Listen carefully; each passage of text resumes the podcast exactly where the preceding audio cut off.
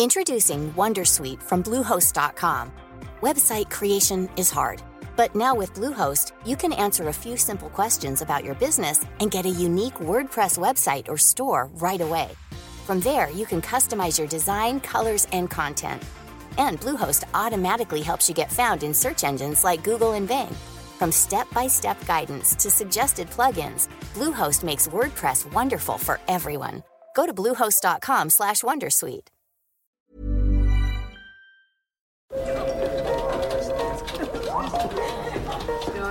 Dette er lyden av norsk næringsliv. Akkurat nå tas det små og store valg som kan bli avgjørende for fremtiden. Med økonomisystemet X-Leger tas disse beslutningene basert på informasjon i sanntid, slik at drømmer og ambisjoner kan bli virkelighet. Få kontroll og oversikt, gå inn på xledger.no. Denne sendingen er sponset av X-Ledger. Movi drysser penger over aksjonærene. Eh, Det kommer amerikanske inflasjonstall, og vi får besøk av ABG Sundal Collier-analytiker Petter Haugen. Det er onsdag 10. mai, og dette er Børsmorgen.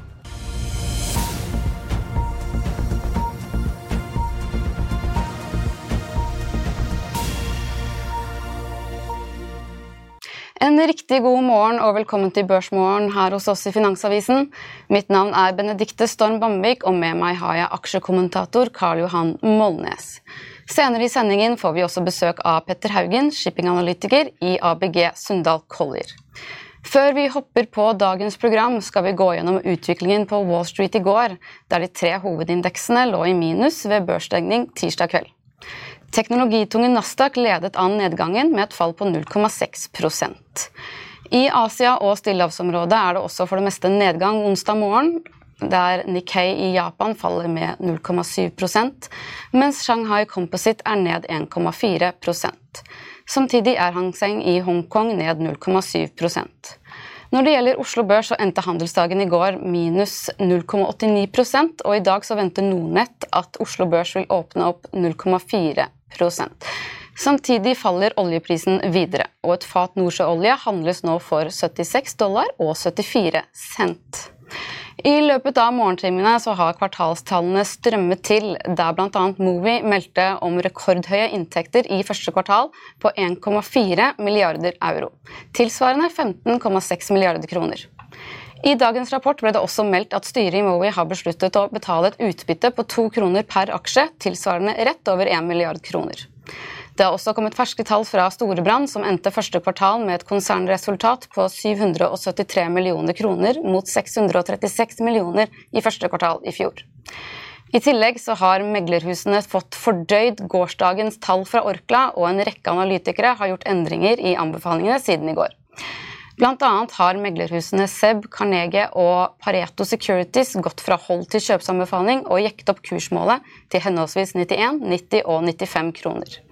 I tillegg har ABG justert opp kursmålet til 90 kroner, mens de beholder kjøpsanbefalingen. DNB går derimot fra et kursmål fra 74 til 80 kroner og beholder holdanbefalingen. Til sammenligning så lå Orkla-aksjen på litt over 81 kroner ved børsstengning i går. Og Før vi går videre til dagens gjest, skal vi fokusere litt på handelsdagen på Oslo Børs i dag. Og Hva tror du Karl Johan, kommer til å prege markedet? Det er uh, veldig mange selskaper som har levert tall, men, men vi er i et bear market, så det skal veldig mye til for at aksjene går opp på tallene. Men Movi da, er jo et selskap som leverte EBIT som var helt in line med det som var guida, på 321 millioner euro. Men det interessante er jo at det har dukket opp da anslag på hvor mye skatt man ville betalt da med de lakseprisene som er nå, og det verserer anslag på 17 milliarder kroner altså langt over de 3 milliardene som uh, må, det opprinnelige målet var. da. Og Movi er en billig aksje. Det er PE på 11,6 for i år og 11 på neste år. Vesentlig billigere enn SalMar. Den er jo på linje med, med Grieg og eh, Lerøy. Men dersom det skulle vise seg at det blir endringer i lakseskatten, så er Movi en aksje som har godt potensial. og Det har jo alle aksjene, men Movi er forbausende billig. Og, og, det er klart Utlendinger liker ikke all den politiske uroen. Eh, det, det, gjør jo at du ikke får kjøpere. Men hvis, hvis, det legger seg, hvis du får et vedtak og en enighet om en lavere skattesats, så vil uh, utlendingene komme tilbake, og Movi-aksjen vil, vil være den som spretter mest, fordi at det er en stor internasjonal aksje. Mm. Hva tenker du om disse utbyttebetalingene? Det er jo positivt, men det er jo helt i tråd med det som de har gjort før, og eh, også i tråd med hva Fredriksen-selskapene bruker å gjøre. Mm. Ja. Var det noen andre tall på morgenkvisten som interesserte deg? Eh, egentlig ikke som er verdt å nevne som er kurssensitivt. Da. Det er klart Vi venter jo på inflasjonstallene som skal komme klokken uh, halv tre i dag. Men jeg har ikke noe spesielt innsikt i hva det vil, uh, det vil, være. Vi får bare vente og se hva det blir, og så får vi tolke det. Men det er klart det er et viktig tall. Men det kommer ikke før klokka halv tre. Yes. Tusen takk, Karl Johan. Vi er straks tilbake etter en kort pause. Vil du bli oppdatert på det viktigste som har skjedd innen finans og næringsliv? Da er det bare å følge med, for hver morgen er jeg, Marius Lorentzen og aksjekommentator Karl Johan Malnes på plass i studio for å ta tempen på dagens marked i Børsmorgen. Og hver ettermiddag oppsummerer vi alt du trenger å vite i økonominyhetene, og det blir selvfølgelig masse interessante gjester. Klikk deg inn på fa.no-tv, eller søk opp Børsmorgen og Økonominyhetene der du hører på podkast.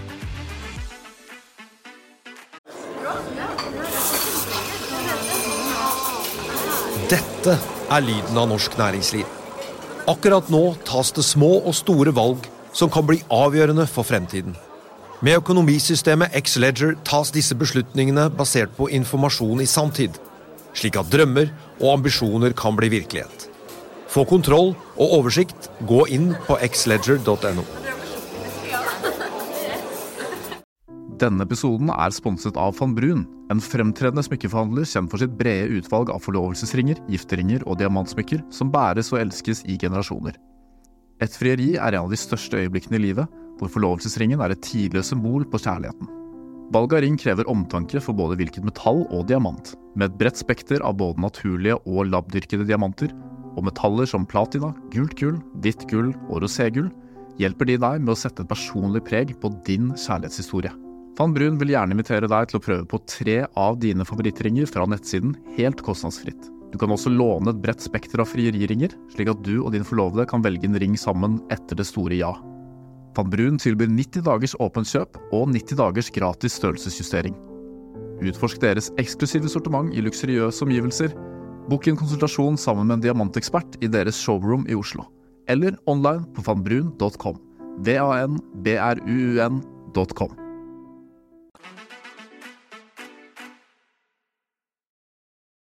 Da er handelsdagen i gang, og Oslo Børs stiger med 0,4% fra start. Og Da skal vi gå over til dagens gjest, analytiker i ABG Sundal Collier, Petter Haugen. Velkommen. Takk for det. Takk for det. Yes, jeg tenker egentlig, og jeg har lyst til å høre litt mer om Valenius Wilhelmsen. Okay. De slapp jo tall forrige uke. Gjorde du det? Eh, de gjorde det. eh, og da, var det jo, eh, da la de jo frem det tredje beste bruttoresultatet noensinne. Eh, likevel så falt aksjen 18% torsdag. Mm. Hva skjedde der? Nei, Det var mange som lurte på hva som skjedde der. Fordi det, det, var en overreaksjon, og det har vi jo sett også nå de siste dagene, at aksjen har kommet, uh, kommet uh, tilbake igjen. Uh, men altså, Wilhelmsen, ja, du sier det, rapporterer tredje beste resultatet noensinne. men det er dårligere enn to andre foregående kvartaler. og den store skuffelsen Eh, er nettoratene de oppnår, og særlig når du ser det opp imot hva spesielt da Høge Outliners eh, klarer. Så eh, For halvannet år siden så var rat, altså Hvis du tar totalinntjeningen, dividerer på, på volumet deres, så får du nå i Wilhelmsen 53 dollar per kubikk. I Høg Outliners så ligger du på midten på 70-tallet. Men for ja, et og et halvt år siden så var de tallene de samme. Så Wilhelmsen har ikke klart å omsette den vanvittige boomen uh, i bilshippingmarkedet på samme måte som mange av uh, competitors. Og så er det i tillegg sånn at Wilhelmsen har snakket lenge om å fornye flåten. og man er nervøs. Hva betyr det når den største aktøren skal uh, fornye flåten sin? Skal de nå bytte ut disse 130 skipene sine i løpet av uh, noen, noen, små år og, og være helt karbonfrie? Uh, ja, nesten med en gang, eller betyr det at man skal bruke god tid og erkjenne at nybyggspriser nå er høye, og kanskje at det er mer hensiktsmessig for alle, både selskapet selv ikke minst, men også for totalmarkedet, at de heller er litt forsiktige i flåtefornyelsesiveren sin. Så men det, det, der er en stor stor usikkerhet. Hvis Wilhelmsen uh, kommer til markedet og sier at nå skal vi bestille ja, for å bruke noen tall. Vi skal, vi skal ha halvparten av flåten vår fornyet i løpet av de neste fem-seks årene. så er det, tror jeg, noe som markedet ikke kommer til å synes er så stas. men um, det kommer til å komme bestillinger fra Wilhelmsen. Ordreboka aggregert i bilshipping nå er uh, 27% sammenlignet med dagens flåte.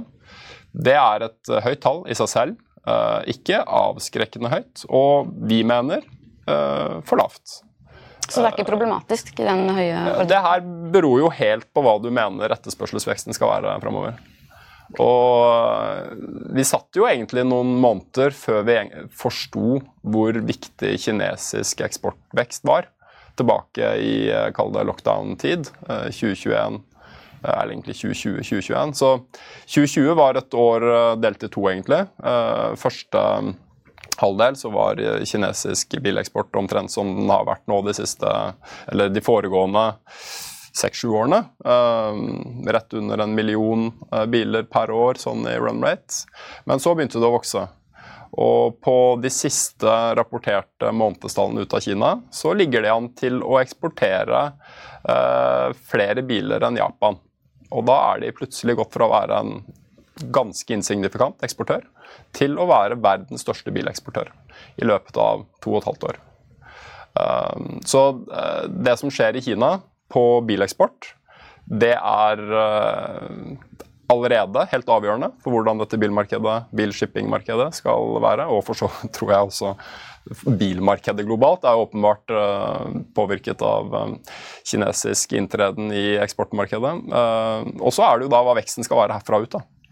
Uh, nå er uh, ja, uh, På våre estimater så var vel tonnmilveksten på år-over-år-basis i siste Det er marstallene vi nå forholder oss til. Den var over 80% Så når ting vokser 80% på år-basis, vet du, Karla, da kan du, da kan du bestille så mange skip du bare vil. Mens hvis det plutselig begynner å vokse 8 så har vi et potensielt problem allerede. Så tilbudssideveksten, ren flåtevekst i bilshipping, uh, kommer til å være nesten null i år. Uh, fordi det har jo vært uh, ja, mange år uten bestillinger. Inntil da egentlig 2021. og de bestillingene som ble gjort i 2021, er jo i hovedsak for 2024. og gjennom 2022 ble det bestilt for 2025. Så 2024-2025 kommer til å se nesten 10 flåtevekst. Garra Eh, det er en av de tingene som man som shippinganalytiker eh, eh, kan føle seg minst utrygg på. Flott vekst. Vi har forholdsvis god oversikt over hva som er bestilt og når det kommer levert. Men hvis kinesisk bileksport fortsetter som vi for så vidt da legger til grunn at det skal gjøre, så er det ikke noe problem. Da går det fint. Hvis du ser litt, grann, litt grann tilbake til de tallene som kom forrige uke, hvis du mm. sammenligner med Høg Outliners, ja. hvorfor var forskjellene så store på resultatene der? Hvorfor gjør Høg Outliners det så bra, mens Valenius Wilhelmsen fikk en liten Det er ett eh, tror jeg, viktig element, og det er at um, i motsetning til Høg Outliners, så hadde jo Wilhelmsen stort sett lange kontrakter for hele flåten sin. Det var jo en feature uh, i bilshipping. Man hadde faktisk volum, så man kunne fylle skipet med ikke veldig godt betalte i det hele tatt, men, men, i hvert fall gode nok rater til at man gikk i pluss i flere år som har vært vanskelig i bilshipping. Uh, mens Høg Outliners hadde ikke det. Så um, det som da kaller det egentlig kanskje mest bare en bug, er jo nå en stor feature i Høg Outliners. De har spot-eksponering. Uh, og når spot-ratene går fra loss-making-nivåer til altså For å sette ting i perspektiv å leie et stort bilskip i ett år, det kosta på peak i sommeren 2008 53 000, 53 500 dollar dagen, tror jeg eh, vi kom til da. Nå er de samme ratene rapportert eh, flatt de siste tre månedene også, på 110 000. Så vi er på dobbel av forrige peak, og forrige peak tenkte vi jo på for inntil tre-fire år siden som 'something we'll never see again'. Og hver av disse skipene tar 6000 biler? Ja, det er Den standardtypen der er øh, Det er jo 6500 ja. Øh, hva er det for noe? En 59-modell Corolla eller noe sånt. Ja. Uh, så de er små, da. Så de tar i praksis ja, uh, Kall det kanskje 4500. Ja. De bilskipene som rapporteres, rater nå på 110 000. Så, men, men Høg ikke sant? de kom jo til markedet da høsten 2021 fordi de hadde et nybyggingsprogram som de trengte å finansiere produsere. Um, så, uh, og da var det for så vidt allerede, syntes vi i hvert fall, uh, god grunn til å heller synes at den ganske gamle, men fine, brukelige flåten var bedre value enn nybyggingsprogrammet. Men nybyggingsprogrammet var katalysatoren som gjorde at uh, Hauto kom til markedet. Um, mens, um, og, og, nå har jo de da uh, leveringer gjennom 2024-2025. Så de kommer til å ha organisk vekst. Uh, helt sikkert, nesten. Uh, med mindre et eller annet helt uforutsett skal skje på, på etterspørselssiden etter bilshipping, så kommer, uh, så kommer jo Hauto til å ha vekst. Mens Valenius Wilhelmsen de står i en situasjon nå hvor du har disse innleiekostnadene som er skyhøye. Og de er antageligvis vesentlig høyere, eller de er, det vet vi. Det kan man regne seg til. De innleiekostnadene er vesentlig høyere enn gjennomsnittsratene som Wilhelmsen får fra bilfabrikantene. Så hvis de skal nå ta mer volum på de samme ratene og fylle opp det på skip som de leier inn til kanskje så mye som dobbeltpris, så sier det seg selv at den, den business proposition er ikke så veldig lønnsom. Så, men uh, forskjellen består i at uh, Hauto har uh, rundt regna 30 spoteksponering. Der tjener de rater som de aldri har tjent før. mens Wilhelmsen har i praksis ingen spoteksponering. Men den andre biten, som jo uh, tror jeg man skal være klar over når man tenker et par år fram Så hvis vi har rett, og at kinesisk bileksport spesielt, og generelt at man fyller disse skipene som kommer levert av en 24-25, så er det sånn at uh, i Wilhelmsen så er ja, ingen spoteksprimering, og antagelig, selv om de er veldig lite transparente på det, så har de lengre kontrakter. Så de kommer til å bruke lengre tid på å fornye den kontraktstrukturen som ligger der i dag. Så gjennomsnittsdurasjonen i en Wilhelmsen-kontrakt er kanskje siden han er tre år. Vi, vi, altså, den eneste gangen jeg kan huske jeg har sett Wilhelmsen rapportere en slags breakdown av fremtidige eh, volumåpninger, altså når er det kontraktene skal fornyes, det var ett kvartal i 2018, tror jeg det var. Q3 2018. Så kom de med én slide som har gitt oss det én gang. Så som, som bilshipping-analytiker så er du, du er ganske dårlig født på, på data. Uh, men poenget nå er at den uh, durasjonen som er lengre i Wilhelmsen, betyr også da i praksis at de kommer til å bruke lengre tid på å det vaske inn dagens høye ratter, uh, mens du i Hauto kommer til å gjøre det litt tidligere. Hvis, men hvis det holder her, så, så ørningskapasiteten for Wilhelmsens-flåten etter du har fornya antagelig veldig mye, da, si utløpet av 2024, er jo, det er jo helt spinnvilt hvis du begynner å regne på de tallene. Yes, vi kunne jo egentlig snakket om bilshipping sikkert det, eh, i årevis. Jeg tenker vi skal snu skuta litt mer mot eh, tankmarkedet. Ja. Der har det vært flere større nedsalg nå eh, pga. OPEX produksjonskutt. Hva, hva, er din take på tankmarkedet nå? Hva er utsiktene? Nei, altså, Tank er jo Det har vi jo vært her og prata om før, tror jeg. Men tank er Det er ordentlig spennende. Og kanskje volatiliteten ikke skal være helt sånn som når vi snakka om før sending her, Karl Johan, om, eh, om stengte SUS-kanaler og, og 70-tallets oljeembargos og dette like. Men det er altså um, nå, nå, gjør jeg en, en I, uh, På 70-tallet så får ikke USA lov å kjøpe olje. Og så begynner du å bygge strategiske lagre. Og så er USA netto short alt egentlig av fossilt brensel uh, frem til ganske nylig. Så uh, det som gjør at jeg tror tankmarkedet ikke har nok tankskip i 2024 og 2025, er uh, at vi har nå, sant, fra 2006, hvor USA importerte 60 av totalforbruket sitt av olje, til nå å være nettoeksportør. Imellom der ligger Shell-revolusjonen. Shell kommer først på gass, Gassproduksjonen øker, uh, og det første som skjer, er at uh, USA eksporterer mer kull. Så de substituerer vekk kullforbruket sitt hjemme med billig gass. Så er det kulleksporten som vokser. Og etter hvert så begynner jo bensin og, og, destillater og raffinerte produkter å importeres i mindre kvanta, fordi produksjonsveksten i USA gjør at de heller da produserer det egne, på egne raffinerier. Og så er det LPG-boomen tilbake i 2012, 13, 14. det var jo drevet av US Shell-revolusjonen. og fra 2016 så kommer US LNG-eksport ordentlig på banen. Nå er det USA som er verdens største, uh, uh, verdens største eksportør av, uh, av naturgass. Og fra og med 2020 egentlig, så er de netto long crudeolje. Så vi har snudd det som har vært verdens shorteste energinasjon, til å bli netto long. Uh, og for, handel, altså for, handelen i disse råvarene så har det betydd at vi har vært fra 2007-2008 til 2020 strukturelt negativt påvirket i tank. Fordi de har produsert noe som de vanligvis importerte. Så importen har strukturelt, uh, strukturelt falt. Men nå er da den årsaken til at importen falt, den samme produksjonsvekst som at eksporten skal stige. Så nå har vi snudd Eh, den amerikanske rollebalansen, det har tatt tid. Eh, det har vært negativt for tank, men nå er det positivt. Og vi har en ordrebok mm. som er under 3% av flåten for tank. PT ligger det ikke en eneste VLCC for levering i 2024. Så eh, nå er jo det Jeg er Man kan ikke være trygg på noen ting.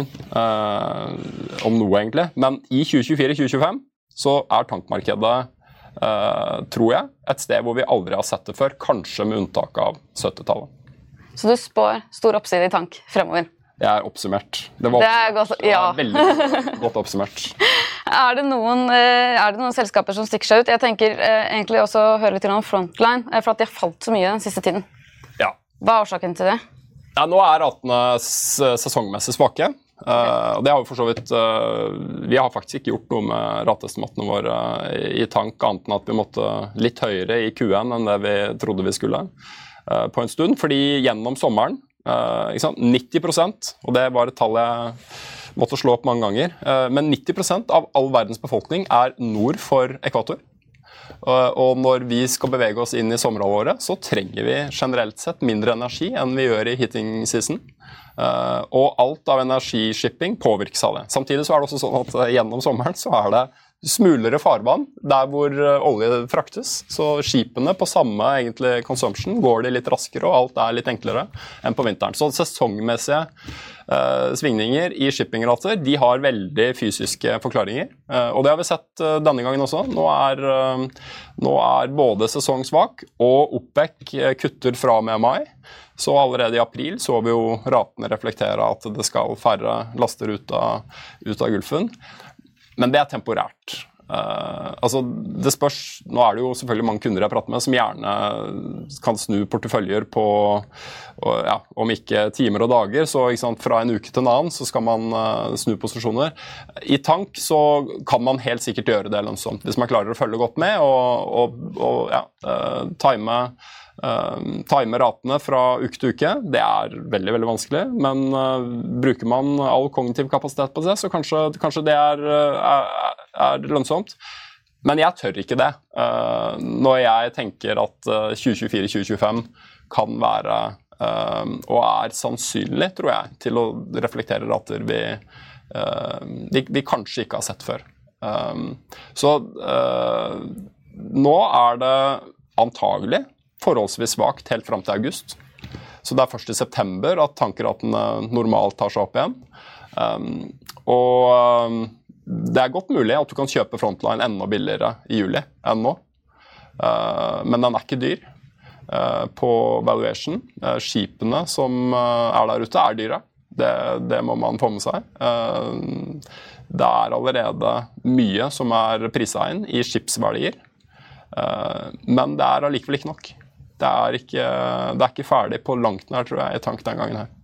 Før du begynte som analytiker, så jobbet du i Klavenes. De har et børsnotert selskap som heter Klavenes Combination Carriers. og ja. Klavenes var gode på tørrbulk, og så sier de at eh, nå skal vi også begynne å frakte litt våte produkter. Er, hvilke investeringsbeslutninger de tar, hvor mye dyrere er de skipene, og hva er det disse skipene faktisk gjør, eh, i forskjell fra de vanlige tørrbulkskipene til Klaveness. Ja. Nei, altså det, det, er jo det siste her som er viktig, fordi um, combination carriers de, altså i, i, navnet så ligger det at de laster da flere typer varer. Og det er jo mange typer combination carriers. Det er jo container og bilfrakt, f.eks. Ja. er en annen kombo du kan finne. Men Klaveness gjør da uh, tank og uh, tørrbulkvarer. De gamle Og så er det, det er to, uh, to sett av assets egentlig i, i KCC nå. det er de gamle komboene. de er Noen av de blir tror jeg de fyller vel snart 25 år, tror jeg. Og de brukes da til kaustisk soda, som klassifiseres som et produkt, men som er et, som er et pulver. Så, men det fraktes normalt i tankere, fordi det er så fint. og når, ja. Um, og så frakter det normal malm eller kull eller andre grains andre veien. Så det, altså, Prinsipielt og konseptuelt så finner du et handelsmønster som er slik at, uh, at Australia, da, for eksempel, som er en stor bulkeksportør uh, Så der går det masse både malm og, og kull ut. Men de trenger uh, raffinerte produkter i import. Så hvis du da har et skip som kan både ta med deg uh, noe inn, og det som er viktig, er at det må være en fronthold. Så det må være sånn at det du kommer inn med, er der du kommer en nettoimportør av. Så hvis du bare fyller opp for å fylle opp, en såkalt ballast uh, egentlig, Det er en ballastlegg, alternativt til at du fyller opp med et eller annet som du ikke trenger.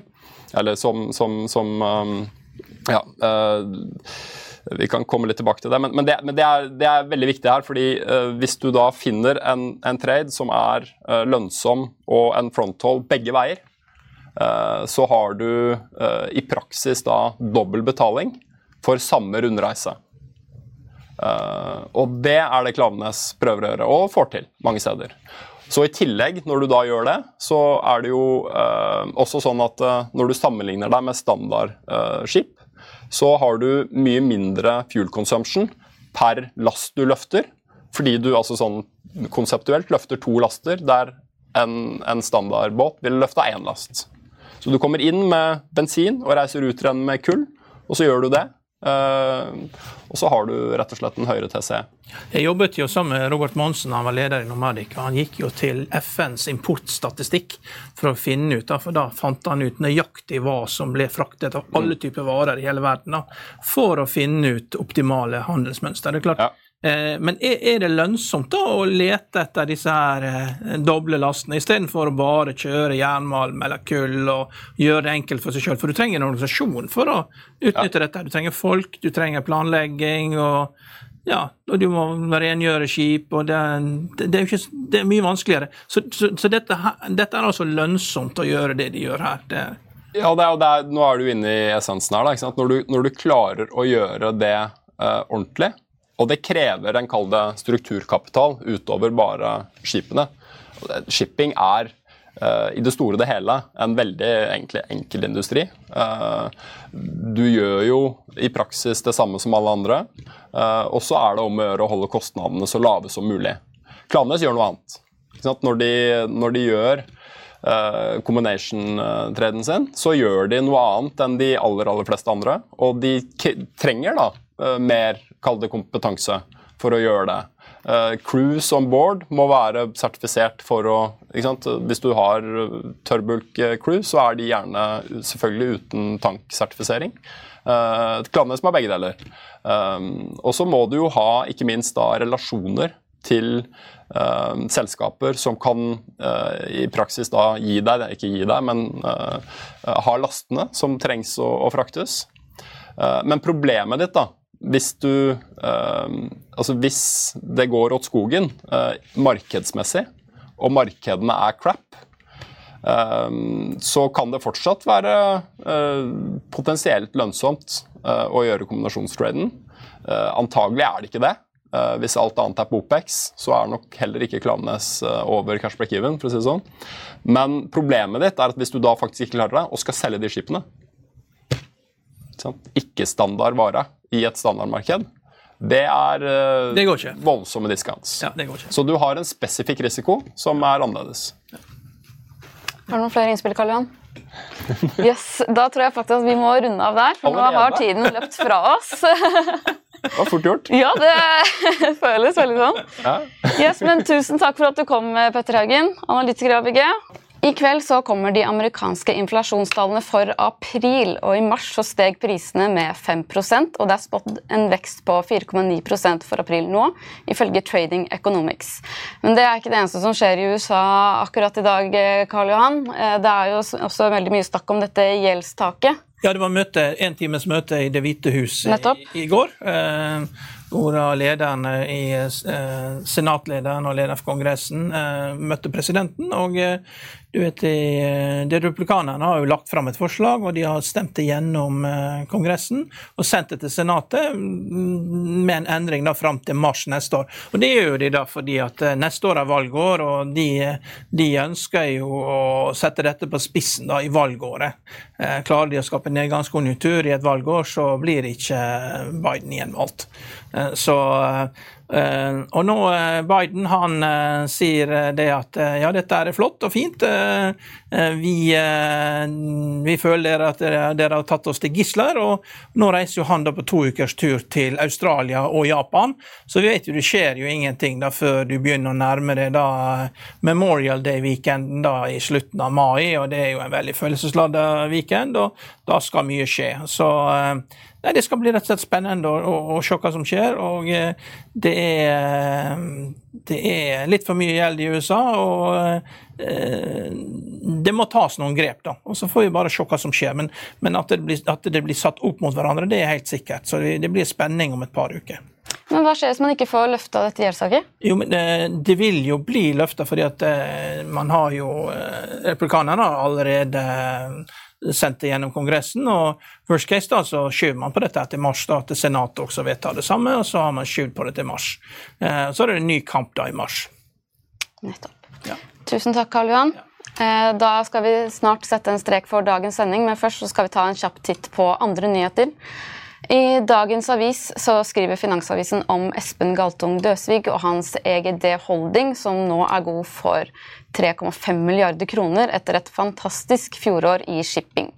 Selskapet tjente 725 millioner kroner, som øker den bokførte egenkapitalen til 2,2 milliarder.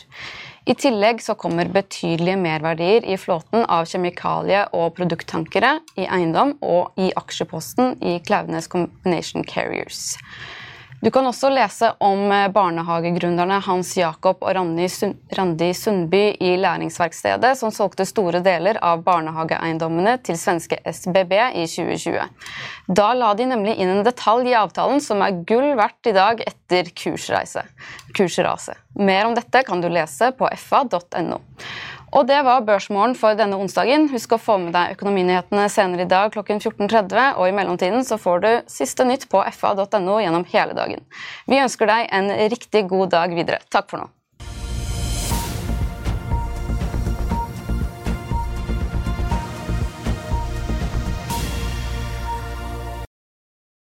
Denne sendingen er sponset av Xleger. Økonominyhetene er en podkast og videoproduksjon fra Finansavisen. Programleder er Marius Lorentzen. Aksjekommentator er Karl Johan Molnes. Produsent er Bashar Johar. Podkast- og videoansvarlig er Marius Mørk Larsen. Og ansvarlig redaktør er Trygve Hegnar.